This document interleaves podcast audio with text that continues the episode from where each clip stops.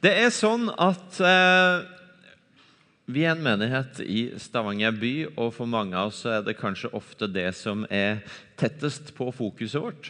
Og så er noe av det som er eh, viktig for oss, det å få tak i at med det utgangspunktet at vi hører til en menighet her i Stavanger, så får vi være med på en bevegelse som strekker seg mange andre steder i verden, og som er med på så mye spennende. Eh, dere hørte nettopp Morten snakke om Thailand. Nylig så hadde vi også et team som landa hjem fra Cuba og har starta Agenda 1 på Cuba. Dere må ta imot eh, eh, Marianne og Thomas, som skal komme og fortelle oss litt fra Cuba. Ta det imot med en applaus.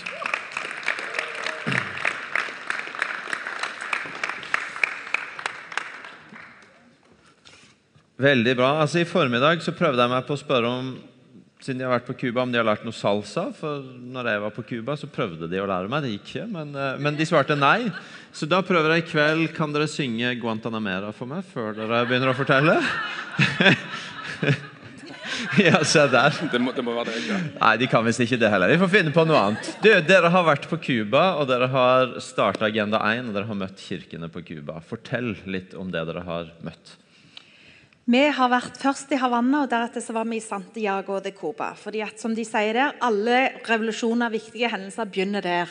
Så da begynner vi med Agenda 1 der.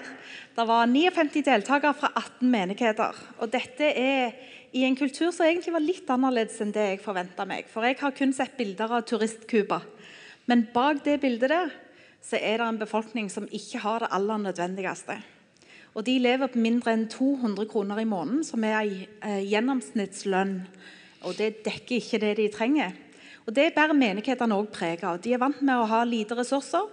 Eh, alt fra at en ikke har en har ikke noe å servere, en har kanskje ikke papir eller kulepenner eller noe som helst. Altså, Helt konkrete, enkle ting det er det ikke å få tak i. Så vi hadde med oss alt det vi trengte for å kunne ha en konferanse der. Og det er situasjonen. Og dette var pastorer som var overarbeida og slitne. De levde i en kultur der det var sånn at hvis noen var syke, så var det pastoren en ringte til, så han kunne komme og be for syke.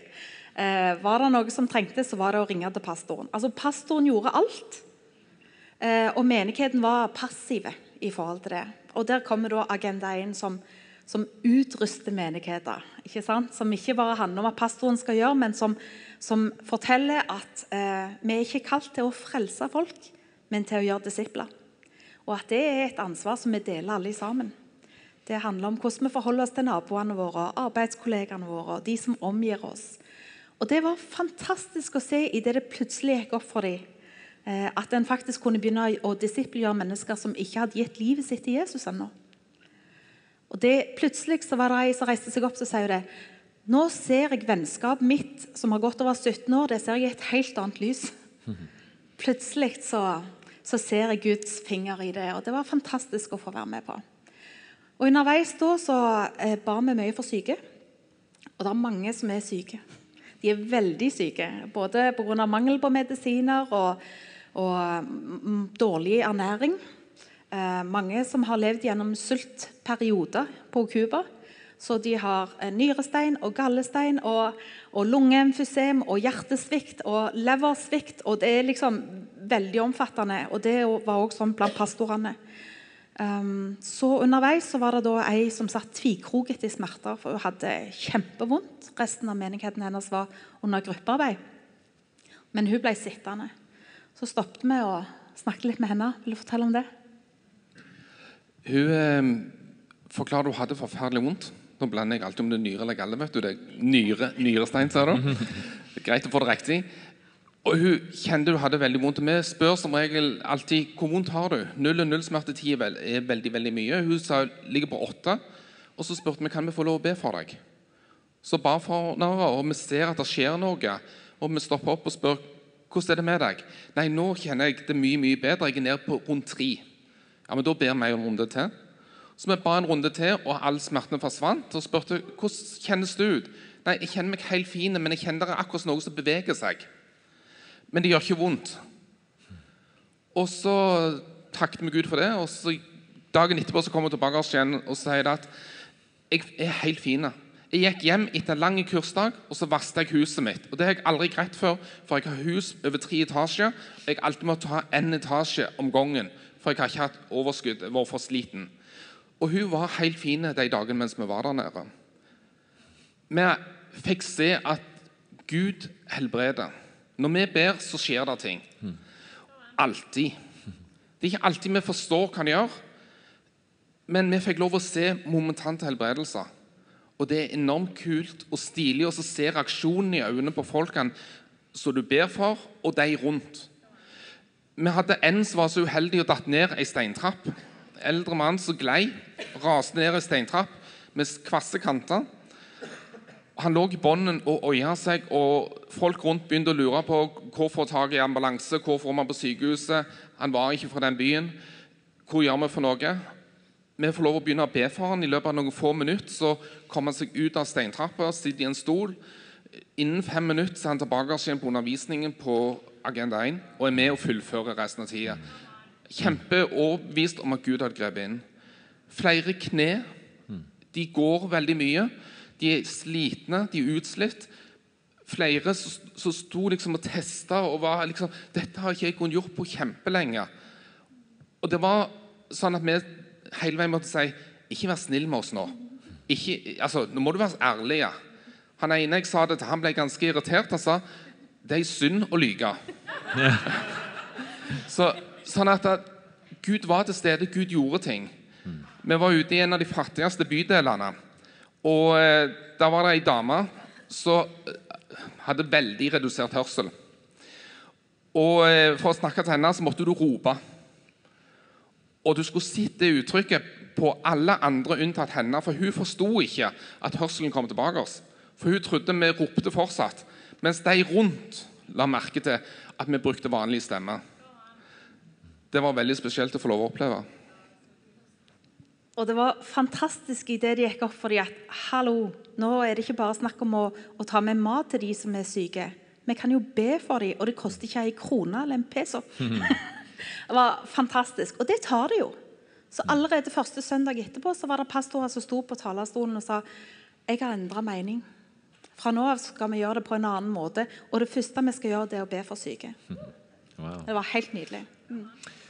Hvis du ber dere om å reise dere opp eh, ja, dere er ikke vant til at dette er et punkt å reise seg på, men gjør det likevel. Eh, når vi forteller vitnesbyrd, så gjør vi det og fordi at vi tror at når vi får høre om det Gud gjør iblant oss, så skaper det tro i oss. Og vi tror at det forteller noe om at Gud kan gjøre det igjen. Eh, nå har du hørt vitnesbyrd om det Gud har gjort på Cuba. Vi tror han kan gjøre det her òg.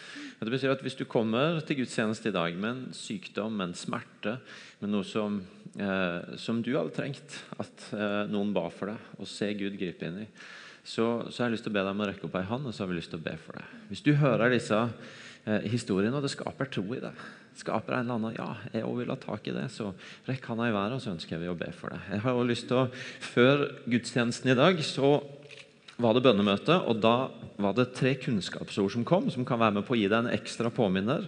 Nakkeproblemer, hjerteproblemer eller bekkenproblemer.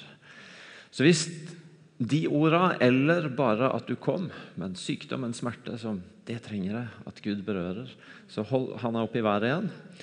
Og Så skal Thomas og Mariann be, og så vil jeg be dere som er rundt, om å legge hendene på dem. Hold hendene i været til noen har kommet for å være med og be for deg. Og så tar du ned når de har kommet, sånn at vi kan se at eh, alle blir eh, dekka. Jeg ser fortsatt ei hånd i været. Eh, helt, bak. Ok. Takk, far. Takk for at du er en god, god pappa. Takk for at du hører når vi ber, og at du svarer når vi ber. Far, nå ber jeg at du kommer og fjerner sykdom og smerte her og nå.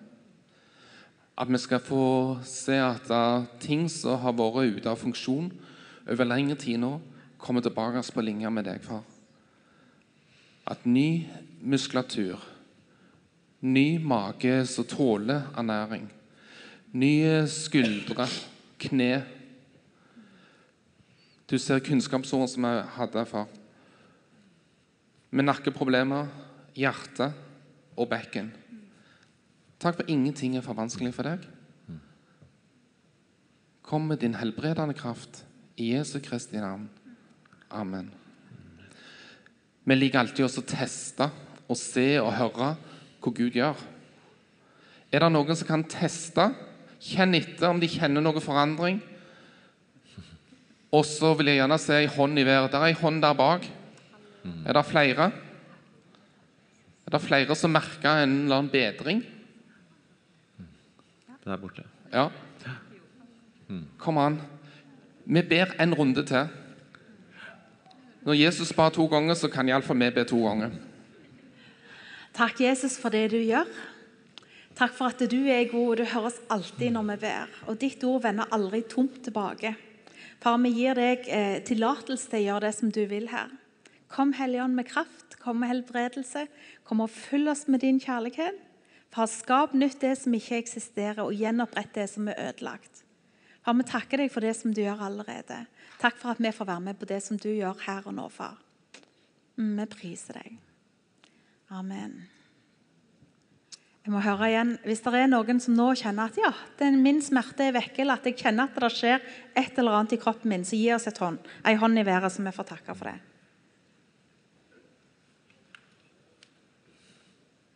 Det er greit. Takk.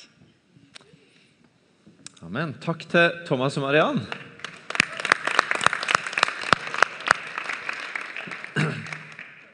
Ehm, to ting før vi lander den delen. For det første Dette gjorde vi både i formiddag og i kveld, og det er mange hender i været.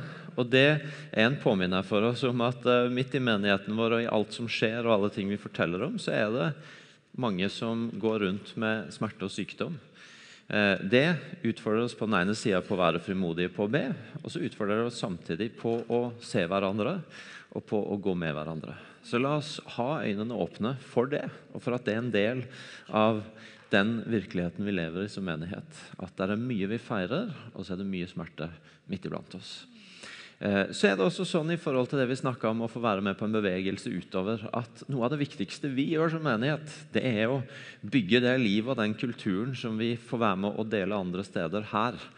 Og Det gjør vi på mange forskjellige vis, men noe av det vi har gjort for å nettopp løfte opp dette med at Gud virker i dag, at han kan helbrede og at han kan tale, det at vi har starta disse to nye skolene våre, Akta helbredelsesskole og Akta profetiskole. De er der for å utruste vanlige mennesker som meg og du til å med stor frimodighet og trygghet å kunne eh, stå i det og be for folk, lytte til Gud for folk. Så Jeg har bare lyst til å minne om de skolene igjen, at de fins, at det er tid for å søke. Nå begynner vi å se mot neste høst og ny oppstart. Mariann leder Profetiskolen. Hanne Therese sitter her, leder Helbredelsesskolen. Ta gjerne kontakt om dere har spørsmål. Veldig bra. Da ber vi en bønn, og så skal vi se på det som er fokuset for i kveld.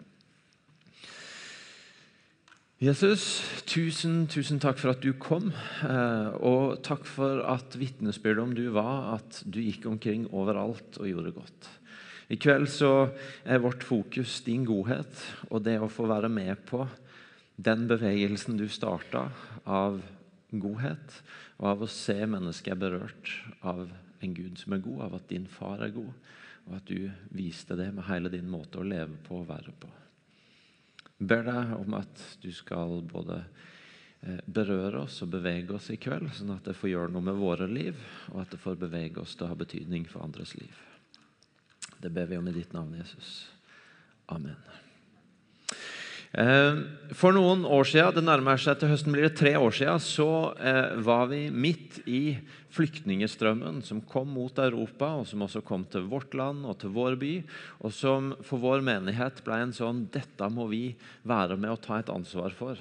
Vi må eh, ta tak og være med på å bidra til at denne byen skal være et godt sted for mennesker som er på flukt, og som er nye i landet vårt, og som har opplevd mye vanskelighet. At det skal være et så godt sted som mulig å komme til.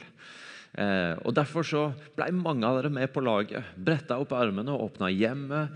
Eh, stilte opp her mange dager i uka på språkkafé. Ble med opp på Alstor, hvor det var flyktningemottak. Og, eh, og møtte folk der. Var med og monterte opp senger og gjorde klar rom der. Mange forskjellige vis som dere og flere andre var med på å mobilisere for at vi ønska å ta mennesket godt imot. Og Midt under det, og midt under historien om det, midt under det som, som, som vi sto midt i da, så kom det en dag en telefon til ei i vår stab ringte ei hun kjente som ikke var en del av dette huset, eh, men som var engasjert og som reflekterte rundt det som skjedde. og Hun hadde et budskap, og det var jeg merker at jeg begynner å bli redd. Og Derfor så trenger jeg å få være med dere på det dere gjør. For jeg er nødt til å komme i kontakt med disse menneskene. Jeg er nødt til å være med på det dere gjør, sånn at jeg kan eh, komme forbi frykten min. Og Den responsen, den måten å respondere på en frykt som begynte å vokse fram i henne, det har jeg tenkt på utrolig mange ganger siden. Det er så annerledes, det som så lett og så ofte kan bli vår respons i møte med frykt, i møte med noe som, som, som, som, er skummelt eller utfordrende eller vanskelig for oss, nemlig at det er så lett for oss å trekke oss tilbake. Så lett for oss å, å gjemme oss litt eller å, eh, å, finne en vei rundt det, sånn at vi slipper å ta i det, slipper å konfrontere det. Jeg synes Det er utrolig fascinerende hvordan for denne dama hun egentlig lot godhet være en sånn motgift til frykten sin. Oi, jeg kjenner frykt. Ja, da, da, er min respons på det å bli med på en godhetsbevegelse, sånn at jeg kan få konfrontert frykten min. Så inspirerende, en så spennende måte å møte frykten på. Rundt Jesus så var det mange mennesker som var opptatt av egentlig å sette skiller og skape avstand og distanse. Det er ikke sikkert de ville sagt det sånn sjøl, men når du leser historiene, så er det noe av det du finner, at det var noen som var, som var, opptatt av hva er distansen som bør være her? Hva er avstanden som bør være for at du er på den sikre sida? Ikke ta på de menneskene, for da blir du urein. Ikke sitte bords med de folka, for det passer seg ikke. Ikke la den dama salve føttene dine, for da bekrefter du noe som ikke er rett. Ikke kom for nær folk av ulike grunner. Mange folk, eller særlig ei gruppe rundt Jesus, som var veldig opptatt av det. Hvor er skillene? Hvor er avstanden? Hvor er distansen vi må sette for å ikke komme for tett på? En av de episodene det er i Matteus 9, hvor det står ifra vers 9. Derfra gikk Jesus videre og, en, og fikk se en mann som satt på tollboden. Han het Matteus. Jesus sa til han, 'Følg meg.' Og han reiste seg og fulgte han. Senere var Jesus gjest i huset. Det kom også mange tollere og syndere og var sammen med Jesus og disiplene hans til bords. Dette så fariseerne, og de sa til disiplene.: Hvorfor spiser mesteren deres sammen med tollere og syndere? Men Jesus hørte det og sa.: Det er ikke de friske som trenger lege, men de syke. Gå og lær hva dette betyr. Det er barmhjertighet jeg vil ha, ikke offer. Jeg er ikke kommet for å kalle rettferdige, men syndere. Jesus er gjest i et hus hvor det sitter tollere og syndere til bords. Hvor det sitter ei gruppe mennesker, tollere, som er uglesett av omgivelsene. Både fordi de har feil arbeidsgiver, nemlig romerne, og fordi de er kjent for å snyte folk, og de har gjort seg upopulære. Og Det er i seg sjøl bare en ting å reflektere et lite øyeblikk rundt. at det satt en gjeng tollere sammen. Det satt en gjeng av de som mange andre ikke likte eller ville ha distanse til. De fant sammen. Det er ikke så uvanlig at det kan skje. det. At mennesker som opplever at andre helst vil ha dem på distanse, finner sammen. Fordi der kan de i hvert fall finne fellesskap. Og Noen ganger når du ser at veldig mange like mennesker har funnet sammen, og kanskje litt sånn på sida eller utenom eller uglesett, så kan det gjerne være en grunn til det. Det er ikke sikkert de valgte det, men de ble pressa til det. Og Kanskje var det sånn for disse tollerne også. Og Så kommer Jesus inn, og han vil sitte til bords med dem. Og Så kommer denne replikkvekslinga hvor de sier hvorfor, hvorfor spiser mesteren deres sammen med tollere og syndere? Og Så kommer Jesus med dette svaret som sier så mye om hvem han er, og hvorfor han kom. Det er ikke de friske som trenger lege, men det er de syke. Det er som om Jesus sier, 'Jeg kommer ikke for de som ikke trenger meg. Jeg kommer jo for de som trenger meg.' Jeg kom ikke for å holde unna det jeg har å gi, til de som trenger det, og være sammen med de som egentlig ikke trenger det jeg har å gi. Men jeg kom for å gi det jeg har, til de som trenger det. Det er derfor jeg kom. Det er derfor jeg er her. Det er jo ikke, det, det er ikke feil at jeg spiser med disse. Det er jo hele grunnen til at jeg kom, at jeg sitter med disse. Jeg kom for de som trenger det. Det er de jeg må bruke tida mi sammen med. Og så sier han dette her. Gå og lær hva dette betyr. Det er barmhjertighet jeg vil ha, ikke offer. Jeg vil ikke ha skillelinjene deres, jeg vil ikke ha religiøsiteten deres. Jeg vil ikke ha all denne avgrensinga som, eh, som dere er opptatt av. Men jeg vil ha barmhjertighet av dere. Jeg vil ha godhet av dere. Jeg vil ha deres vilje til å komme nær mennesker som trenger det. Jeg kom ikke for de som ikke trenger det, jeg kom for de som trenger det. Og jeg vil ha barmhjertighet, jeg vil ha godhet fra dere overfor de samme menneskene. Det er det jeg ser etter, ikke skyldene deres. For et par uker siden var jeg på en eh, alfakonferanse i London. Der var det en eh, amerikansk advokat, menneskerettighetsadvokat som heter Brian Stevenson, som underviste. Han eh, fortalte om det som har blitt hans liv, nemlig å jobbe veldig mye med mennesker som har fått en dødsdom. Og bl.a. med veldig unge mennesker som har fått en dødsdom. Helt ned i begynnelsen av tenåra. 12-13-14-åringer.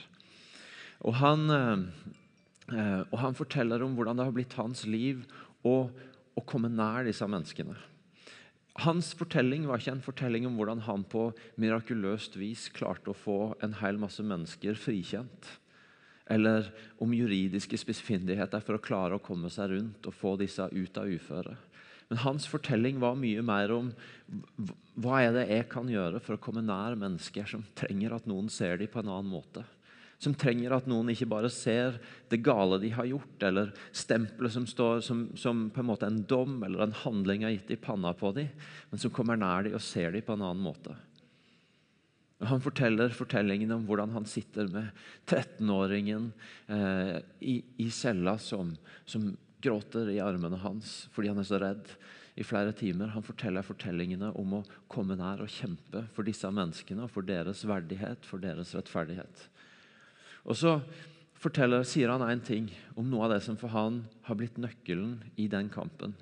Og Det er det han kaller 'the power of proximity'. Kraften i å komme nær. Han snakker om hvordan på avstand det er så lett å gå glipp av nyansene.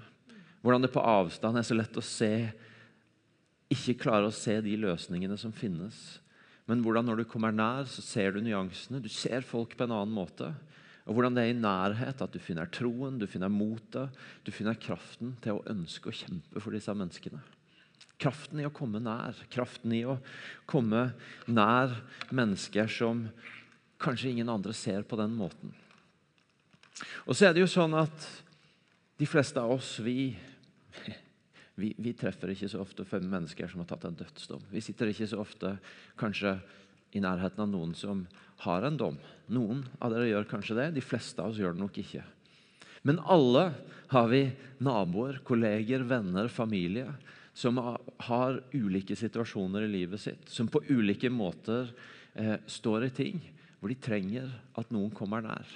Hvor de trenger at noen våger seg inn der hvor kanskje andre bare ser på avstand.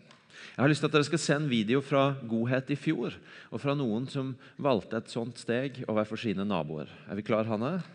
Yes, da skal dere få se en video. Her maler vi et eh, hus for en nabo eh, som trengte hjelp. Vi hadde lyst til å hjelpe han, og da var det å male huset hans en god ting å gjøre.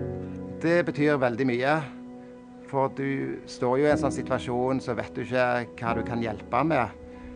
Uh, og da um, Det å finne en ting som en kan, kan få gjøre og bidra med, det betyr veldig mye. Det beste med godhet, det er jo at vi kommer i sammen som naboer og bidrar i sammen. Og ikke minst det at uh, vi ser det at det gjør så mye for de som får hjelp. At det betyr så mye for dem til tross for at uh, en er i en vanskelig situasjon, så betyr det mye for dem å se at nabolaget kommer og trør til. Jeg er med på godhet for det at det er kjekt å være med og jobbe, og så får jeg litt fokus vekk fra mitt eget ve og vel. Vet du hva, Jeg syns det er en ære å få lov å være med og hjelpe en eh, nabo som har havnet i en litt eh, vanskelig situasjon. Og at vi får lov å bidra og vise det at vi bryr oss. Mm. Jeg er med på godhet fordi at uh, naboene trengte hjelp. Derfor gjør vi det. Jeg er med på Godhet fordi det er mye god mat, masse kjekke folk. Og så blir jeg kjent med nye naboer. Og så er det kjekt å være god med andre. Da blir du god inni deg sjøl.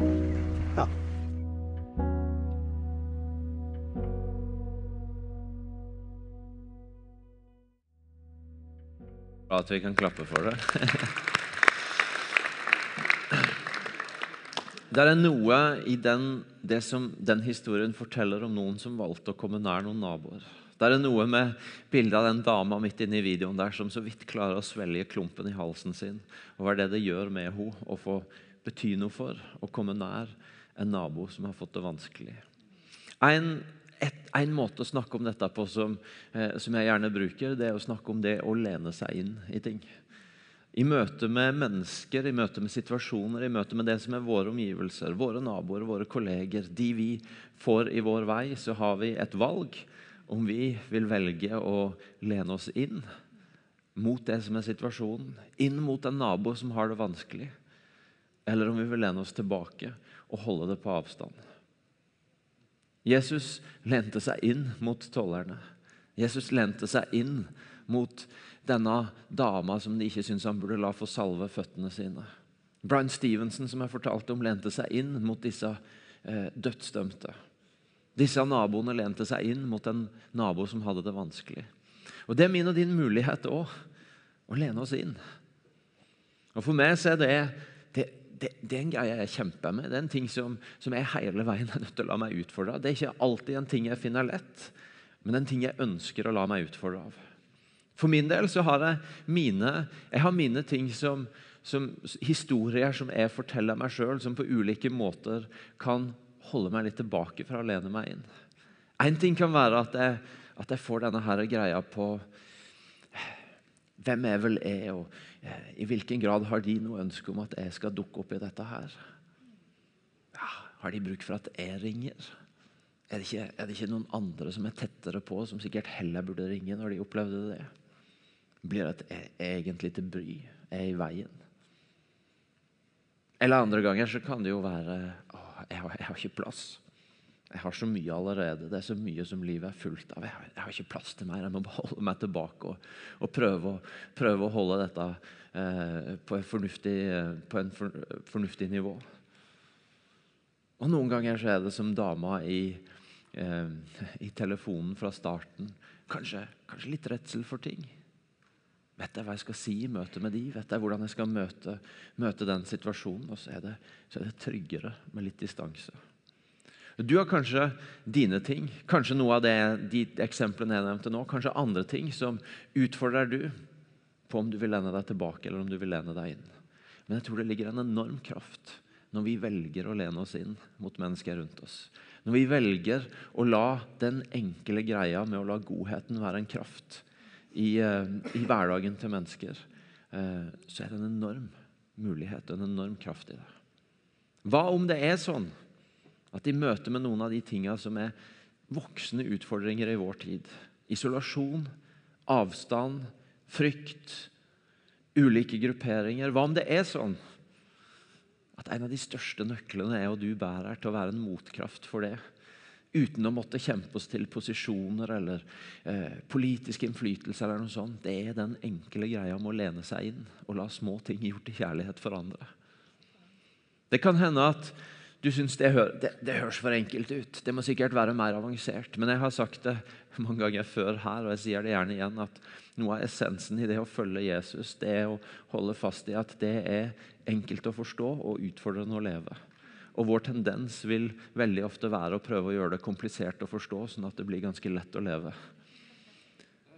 Jesus sier 'elsk din neste som deg sjøl'. Og så begynner noen å spørre ja, men hvem er nå egentlig min neste. da? Og Så kan vi jo bruke mye tid på å diskutere det, og så blir det komfortabelt å leve. Eller så kan vi bare ta den, den utfordringa og begynne. Så er det ikke så himla avansert, men det er utfordrende. For vi må komme over løgner vi forteller oss sjøl. Vi må komme over egen komfort, og vi må lene oss inn i møte med mennesker som vi treffer. Og det er vår mulighet. Og så tror jeg vi skal la oss utfordre av at det er ikke alltid, nettopp fordi det handler om å lene seg inn, fordi det handler om å se mennesker annerledes, så er det ikke alltid at eh, måter å tenke på som er etablert, stemmer. Jeg vet at også blant folk som er her, så kan vi noen ganger utfordres av denne her at ja, men hvem trenger godhet, og hvem trenger ikke godhet? Jeg vet at godhetsteamet senest denne våren, når de har stått på stand her, har hatt den samtalen om at ja, jeg har sett noen av de bilene som kjører inn på bilvask, og jeg skjønner ikke at vi skal bruke tida på det, for jeg ser at når de har råd til den bilen, så har de råd til bilvask også. Men hvem er vi til å bestemme hvem som trenger godhet og ikke? Hvem er jeg til å, til å, til å gjøre den bedømmelsen? Hvem er jeg til å finne ut hvem som trengs, trenger at noen lener seg inn og ikke? I Froland, på Godhet i fjor, så kommer det en fyr på bilvask og får vaska bilen sin gratis. Så blir han utrolig begeistra over det han møter, over at noen møter han på en sånn måte. Så han hiver seg med, han blir med på resten av godhetsuka. Og Han sier også at han eier et gartneri, og at de gjerne må få hente planter og bruke til godhetsuka.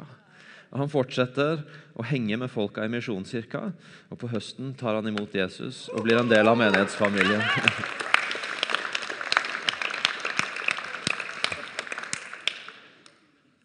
Hvem er jeg og du til å bestemme hvem som trenger at noen lener seg inn? Når Nikodemus, som var en høytstående herre med masse innflytelse og makt, kommer til Jesus på natta, så lener ikke Jesus seg tilbake og sier det var ikke for sånne som du jeg kom. Nei, Han lener seg inn. Han lener seg inn og snakker med han, hører spørsmålet hans, møter han. Vår oppgave er ikke å bedømme hvem som trenger det, men det er å lene oss inn i møte med de menneskene vi treffer. Og la små ting gjort i kjærlighet, gjort i herlighet, ja, gjort i kjærlighet få, eh, få bety en forskjell. Vi står foran godhetsuka. Godhet er ikke først og fremst en aksjon, godhet er ikke først og fremst ei uke. Godhet er en måte å leve på. Godhet er en, en, en, en måte å tilnærme seg livet på. Men denne uka så er vi sammen om å lene oss inn mot byen vår. Vi er sammen om å øve oss i en livsstil som gjelder resten av året. Og vi vet at gjennom at vi har stått sammen om å lene oss inn, så har så mange hjem i denne byen blitt berørt gjennom de siste 13 åra at jeg i hvert fall ikke i tvil om at vi gjør det jommen meg ett år til. Og Det er den uka som begynner nå. Vi har over 70 oppdrag. Det er litt færre enn i fjor, men det er så store oppdrag i år at vi skal få nok å gjøre. Så du trenger ikke å være bekymra for om vi trenger at du er med eller ikke. Det er mye å ta tak i. Og um, Det er fantastisk vær som er meldt, og det kommer til å bli ei kjempeuke. Lite sånn crashkurs for du som eh, ikke har vært med på det før. sånn at det ikke bare forutsetter at alle vet om det. Godhet er mandag til fredag denne uka. Fem til ni for du som er voksen, og fem til syv for du som har eh, eh, små barn som du må hjem og legge. Viktig for oss at du vet at det er fem til sju, sånn at du ikke føler du skulker hvis du må gå, og så lar du være å bli med fordi at du har barn. Ta barna med. Det viktigste er ikke hvor mye jobb de får gjort, men at de får en smak av å være en del av godhet. Eh, jeg sa det i formiddag at pastorbarn er ikke spesielt mye frommere enn andre barn. De spør like mye om iPad-tid og sjokolade og alt det der. Men mine barn de gleder seg hvert år til godhet, for det har de vært med på hvert år siden før de kunne gå. Og, og det er det viktigste. At du får barna med inn i en sånn livsstil hvor dette med godhet det er kjekt, det er spennende, det må vi være med på. Så har du familie som blir med, og hvis ikke så er det fem til ni. Det er å male hus eller stelle hager. eller I år har vi til og med fått et, eh, et oppdrag som handler om å ordne med noe klesvask og brette tøy. og Der er det ganske mye forskjellig som meldes inn. Men, men, men, det er folk som melder inn ting som de trenger hjelp til, eller som venner eller familie melder inn fordi de ser at det hadde vært godt at noen kom dit. Og vi, vi, trenger det så helst alle ettermiddagene, eller så mange ettermiddager som mulig. Det er ei uke hvor vi sier nå rydder vi bordet, og så er det dette vi gjør. Og eh, Hvis du tenker på hvordan det skal gå opp med jobb eller skole og mat, og sånn, så serveres det middag her eh, hver, hver, dag fra klokka fire til fem. Så du kan komme hit og kjøpe deg litt mat, og så kan du suse ut sammen med noen andre og gå på godhetsoppdrag. Det er alltid utrolig gøy. Det hender det er litt stress å komme i gang, og så er det kjempegøy når du kommer i gang. Og så har du som oftest mer glede og energi når du kommer tilbake igjen fra oppdraget. Så nå har jeg rett og slett lyst til å gi dere muligheten, fordi jeg vet at det er så lett å sitte og tenke ja, det må jeg få gjort noe med, og så kommer en ut, og så kommer en i en prat, og så forsvinner det. Men jeg vet du, for jeg taler ganske ofte her, så jeg rekker jo å se at ganske mange av dere har smarttelefonen deres med jeg sett det når jeg taler. um, så nå skal dere få lov til å ta den fram og vite at ingen, du, prøver, trenger ikke prøve å gjemme det engang. Og så kan du skri, gå, gå, inn på nettleseren din og skrive godhet.no. Ta opp mobilen din, gå inn på nettleseren, og så skriver du godhet.no.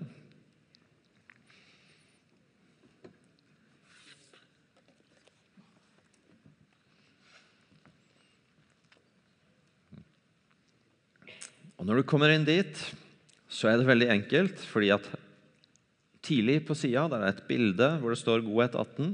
Små ting gjort i kjærlighet vil forandre verden. Og så står det altså en menyvalg hvor du kan velge 'Vil du hjelpe'?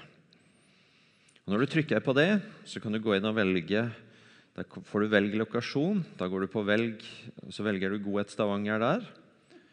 Og så kan du bare trykke deg videre og registrere enten du eller familien din, eller hvis dere sitter noen sammen, så kan dere registrere flere personer på én, sånn at dere hører sammen. Og så kan du få registrere deg. Nå kommer jeg til å la det være stille i et par minutter, og så skal du få mulighet til å melde deg på, sånn at du får det som vi sier, mindre teskje har vi ikke. Nå har du alle muligheter til å få ordna det uten, uten at uh, noe skal distrahere deg fra det. Så Hanne sett deg på litt bakgrunnsmusikk i et lite minutt eller to. Og så har du mulighet til å få ordne påmeldinga di hvis du ikke har rukket å få gjort det.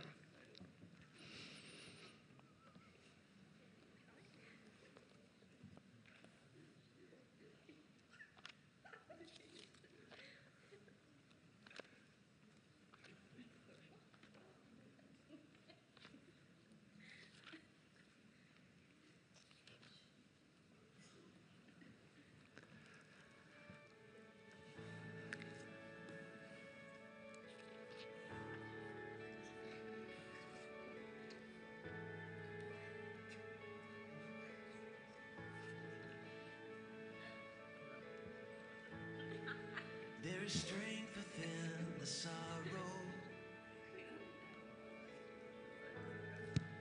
There is beauty in our tears. And you meet us in our mourning with a love that casts out fear.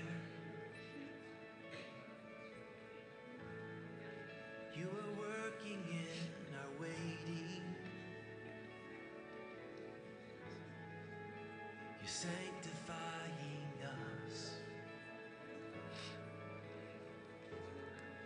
When beyond our understanding,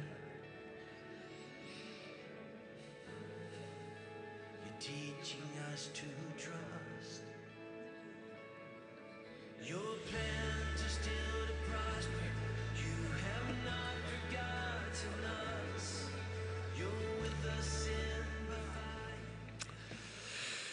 Nydelig.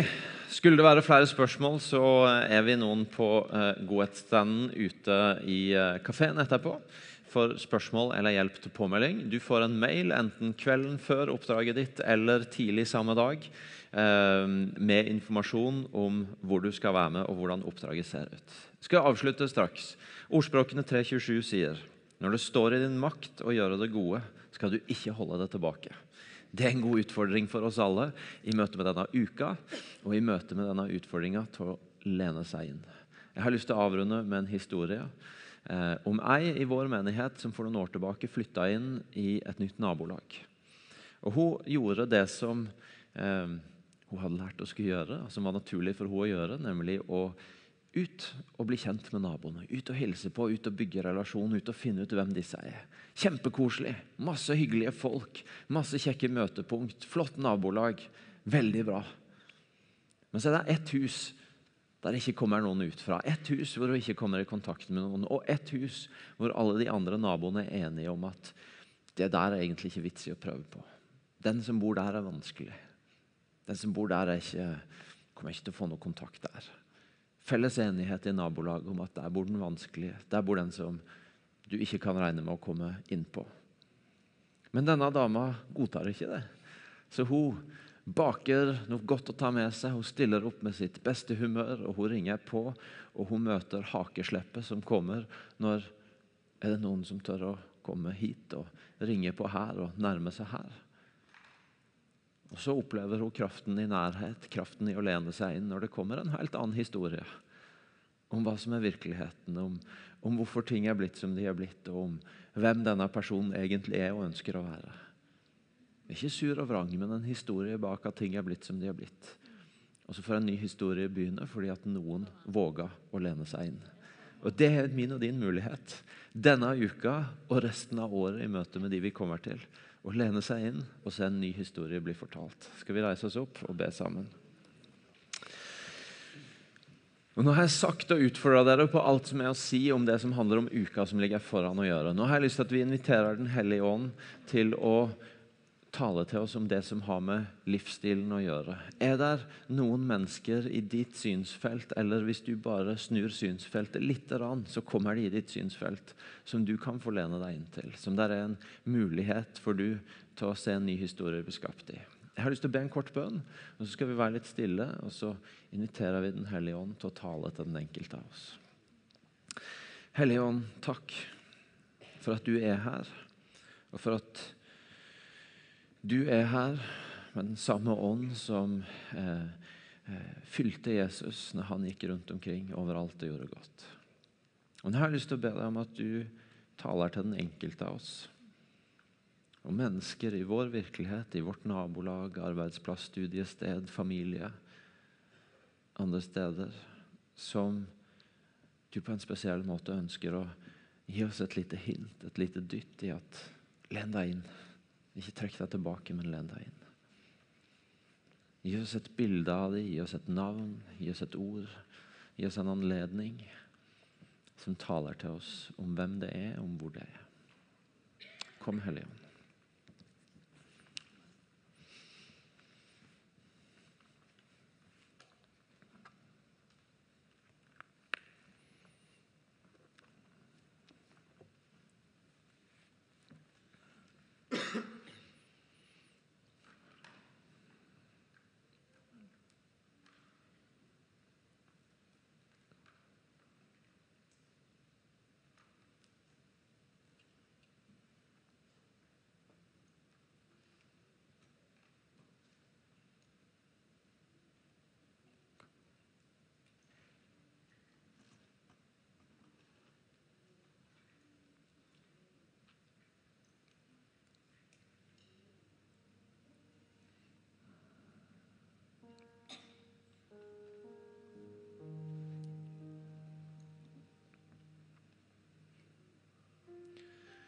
Hvis du mens du står der opplever at Gud taler til deg, minner deg om et navn, et ansikt, et situasjon, helt konkret, så jeg har lyst til å be for deg om at han også skal få utruste deg til å gå inn i den situasjonen og lene deg innover for det mennesket. Så gi han i været hvis du opplever at Gud har talt, har minnet deg om noe, har vist deg noe, så har jeg lyst til å be for deg.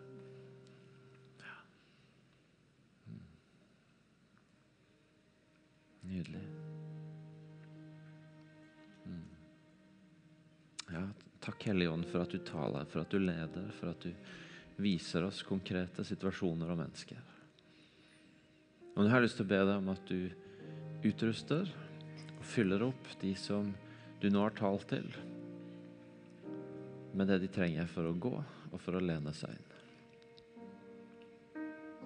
Jeg ber deg om at du avkler og avslører enhver sånn løgntanke som forteller om hvorfor en ikke kan lene seg inn. Enten det har med tanken om ens egen betydning eller kapasitet eller frykt. At du avkler det, og så gir du mot og frimodighet til å handle på det du har talt. Og full visshet om at det verket som du begynner, det vil du fullføre, og du vil gi alt som trengs for å gjøre det. Jeg ber deg om konkrete muligheter allerede i løpet av de neste to-tre dagene. Helt konkrete muligheter.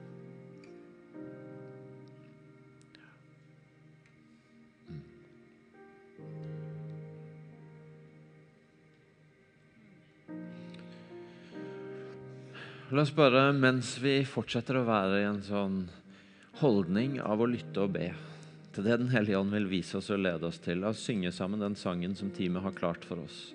Og Vi synger nettopp om dette, om å be, det er en bønn til Gud. Hjelp oss å elske med åpne armer, sånn som du gjør.